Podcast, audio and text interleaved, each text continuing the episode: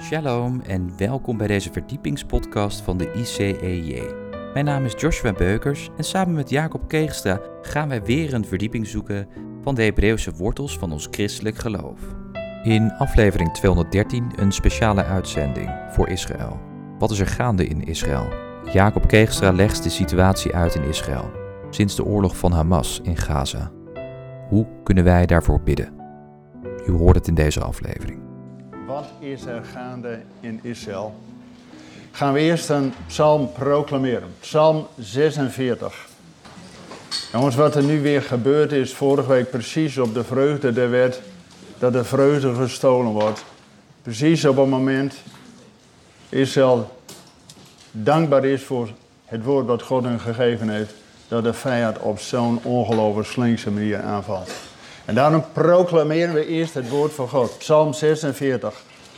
Een vaste burcht is onze God. God is onze toevlucht en een vesting. Hij is in hoge mate een hulp gebleken in benauwdheden. Daarom zullen wij niet bevreesd zijn, al veranderde de aarde van plaats. En werden de bergen verzet naar het hart van de zeeën. Laat haar water bruisen Laat het schuimen, laat de bergen beven door haar onstuimigheid. De beekjes van de rivier verblijden de stad van God, het heiligdom, de woningen van de Allerhoogste. God is in haar midden, zij zal niet wankelen. God zal haar helpen bij het aanbreken van de morgen. De heidenvolken tierden, de koninkrijken wankelden. Hij liet zijn stem klinken de aarde smolt weg. De Heere van de legermachten is met ons. De God van Jacob is ons een veilige vesting. Kom, zie de daden van de Heer, die verwoestingen op aarde aanricht, die de oorlogen doet ophouden tot aan het einde der aarde. De boog breekt en de speer in stukken slaat, de wagens met vuur verbrandt. Geef het op, en weet dat ik God ben. Ik zal geroemd worden onder de heidevolken.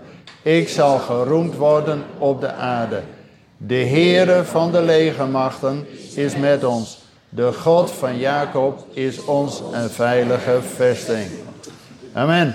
Zullen we daar eerst ook een lied van zingen? Dat maak ons een leger, o Heer. Het thema van deze themaochtend is inderdaad wat aangescherpt aan de situatie. Wat is er gaande in Israël? En eerst even de context. Ook ons bezoek aan de grens met Gaza. Dan uh, Hamas tegenover Israël. Wat zijn de achtergronden? En dan natuurlijk wat kunnen en wat gaan wij doen. Nou, eerst de achtergrond. We gingen met bijna 3000 christenen uit 100 landen naar het Loofhuttenfeest om dat samen met Israël te vieren. De eerste paar dagen bij het meer van Galilea, toen vijf dagen de kern in Jeruzalem. Maar daarna ook een solidariteitsgebeuren naar de grens van Gaza. Want die mensen daar, die krijgen niet zoveel bezoek. En de halve wereld vliegt over hen heen, en zeker nu. Dus wij hadden daar een solidariteitsbezoek. En mooi nagaan, we waren daar met zoveel bussen naartoe en over diezelfde weg waar wij gingen, kwam twee dagen later de tegenstander. De burgemeester van dat gebied, Sha'ar Hanegev, sprak ons toe. Ik zat op de tweede rij, hij op de eerste rij. Twee dagen later, om zijn land en zijn kibbutz te verdedigen, was hij als een van de eersten vermoord. We spraken met mensen. Um, afloop hadden we een lunch met velen van hen. Daar uit die kibbutz zijn minstens 30 mensen gegijzeld. Nou, dood zijn is één ding, maar gegijzeld is verschrikkelijk. Want dat betekent dat de Hamas je nu gebruikt als menselijk schild. En als de oorlog voorbij is, om te ruilen tegen terroristen. Dus het is goed om hier te zijn, elkaar ja, dat we uiteindelijk de situatie voor de troon van God brengen. Wij hebben in dat gebied inmiddels 170 bomvrije bushaltes geplaatst. Want we weten dat gebied is wel vaker onder uh, aanval. Nou, even het Loofhuttenfeest had als thema God is koning van heel de aarde. Vanuit Psalm 47 van de Heer, de Allerhoogste, is ontzagwekkend en een groot koning over heel de aarde. Hadden een geweldig feest. Ik mag er al 30 jaar naartoe gaan, maar dit was weer geweldig. Zeker ook nu na corona, dat we meer bijna 3000 mensen er waren, was geweldig. En dan precies hè, heb je die solidariteit donderdag. Zaterdagochtend zouden wij Shimchat Torah vieren bij de klaagmuur. De taxis waren al besteld, stonden al voor het hotel klaar om ons daarheen te brengen. En dat was niet meer nodig. We laten zo een filmpje zien hoe we in de schuilkelders wat we deden. Maar om dit te duiden, kijk, God is koning. En er is in de hemel nog steeds geen paniek. God is still in control. Alleen we weten ook, Hebreeën 2, dat alle dingen zijn aan Jezus ondergeschikt geworden, maar wij zien dat nu nog niet.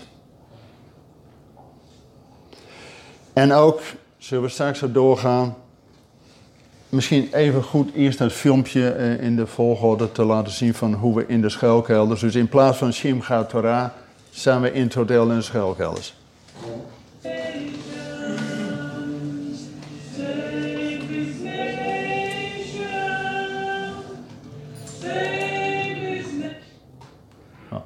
Nou, oké, daar waren we dus. Oh ja. Dat zijn allemaal foto's. Dit zijn wat foto's van dat we daar. We hebben in het vlak langs de Gazastrook. hebben een bos geadopteerd. om daar bomen te planten. Op verzoek van Israël. He, net één verder, volgens mij. Ja, oh, nee, ik kan het niet zien, maar goed. En dat is gedaan op verzoek van Israël. Want een aantal jaren geleden is daar een hoop. Uh, nou, verbrand. Halve bossen zijn verbrand, graanvelden zijn uh, verwoest. En ze hebben ons gevraagd om juist bomen te planten, want dat geeft ook een natuurlijke barrière dat men vanuit de Gazastrook niet direct ziet wat er allemaal in die kibbutzen gebeurt. Nou, oké, we gaan even verder, want ik wil juist iets vertellen dat alles wat we nu zien, mensen, is natuurlijk niet nieuw, hè?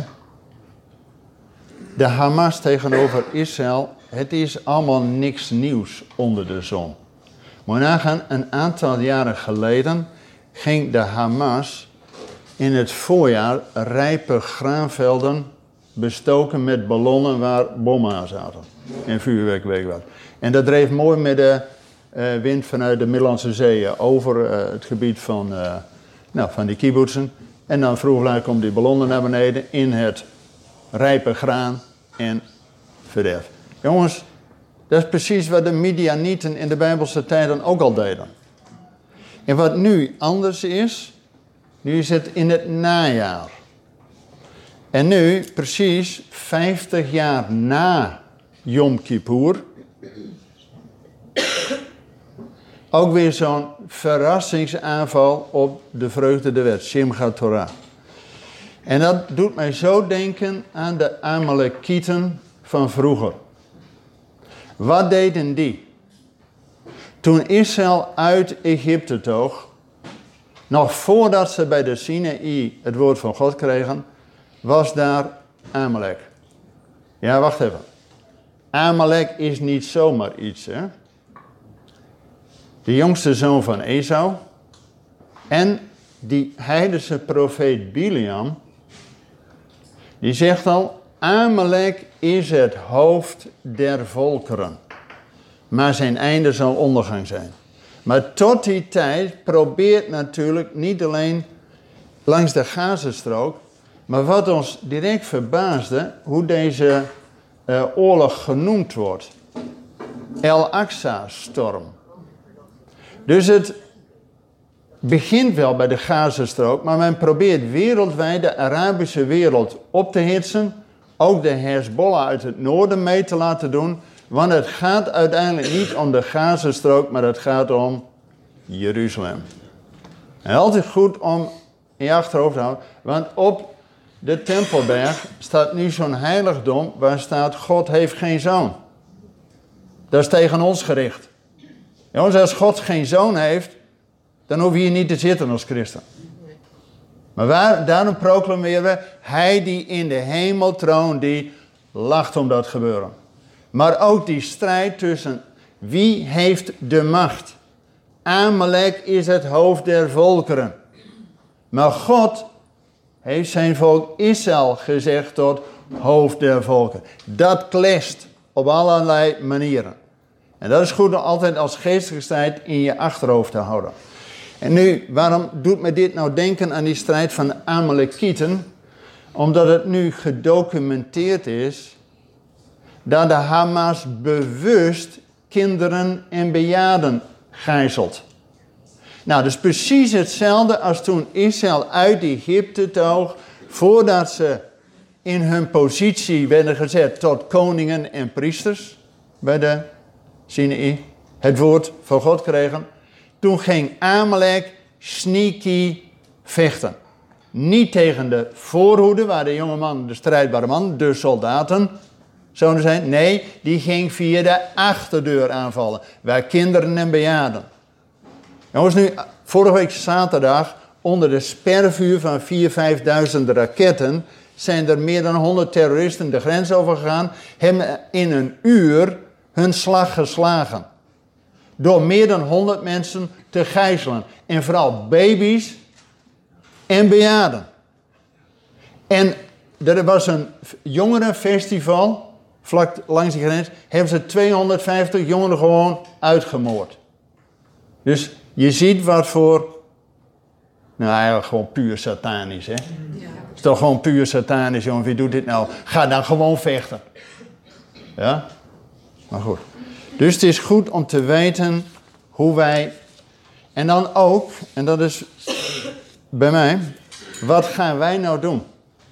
Toen Josia ging strijden tegen Amalek, dus fysiek ging strijden, wat ging Mozes doen?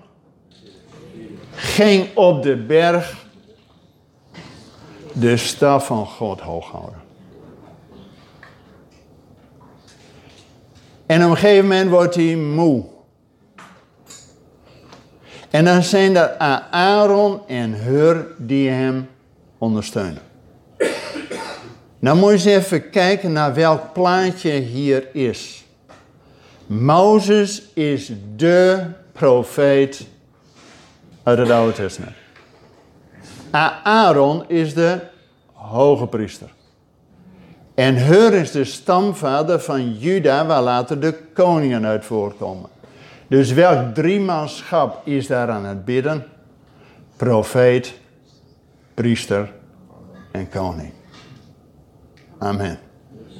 Wij worden ook opgeroepen als, hè, wat zegt 1 Petrus 2?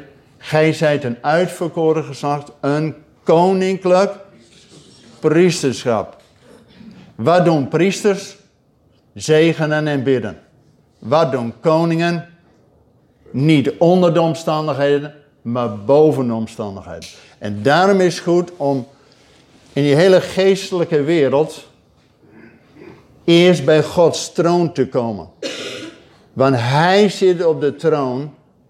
Er is geen paniek in de hemel, maar er is paniek in die geestelijke wereld. Die probeert ons onderuit te halen.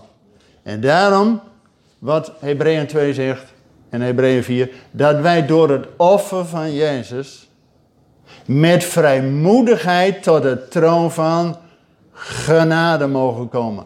Om God te prijzen, maar ook om voorbeden te doen. Ja, nou, dat gaan we doen. We gaan in een aantal rondes natuurlijk bidden voor Israël, het Midden-Oosten en ook voor Nederland. Bedankt voor het luisteren naar deze verdiepingspodcast van de ICEJ. Waardeert u onze podcast? Steun ons dan. Dat kunt u doen door een donatie of door deze podcast te delen met uw vrienden of familie. Ga hiervoor naar icej.nl.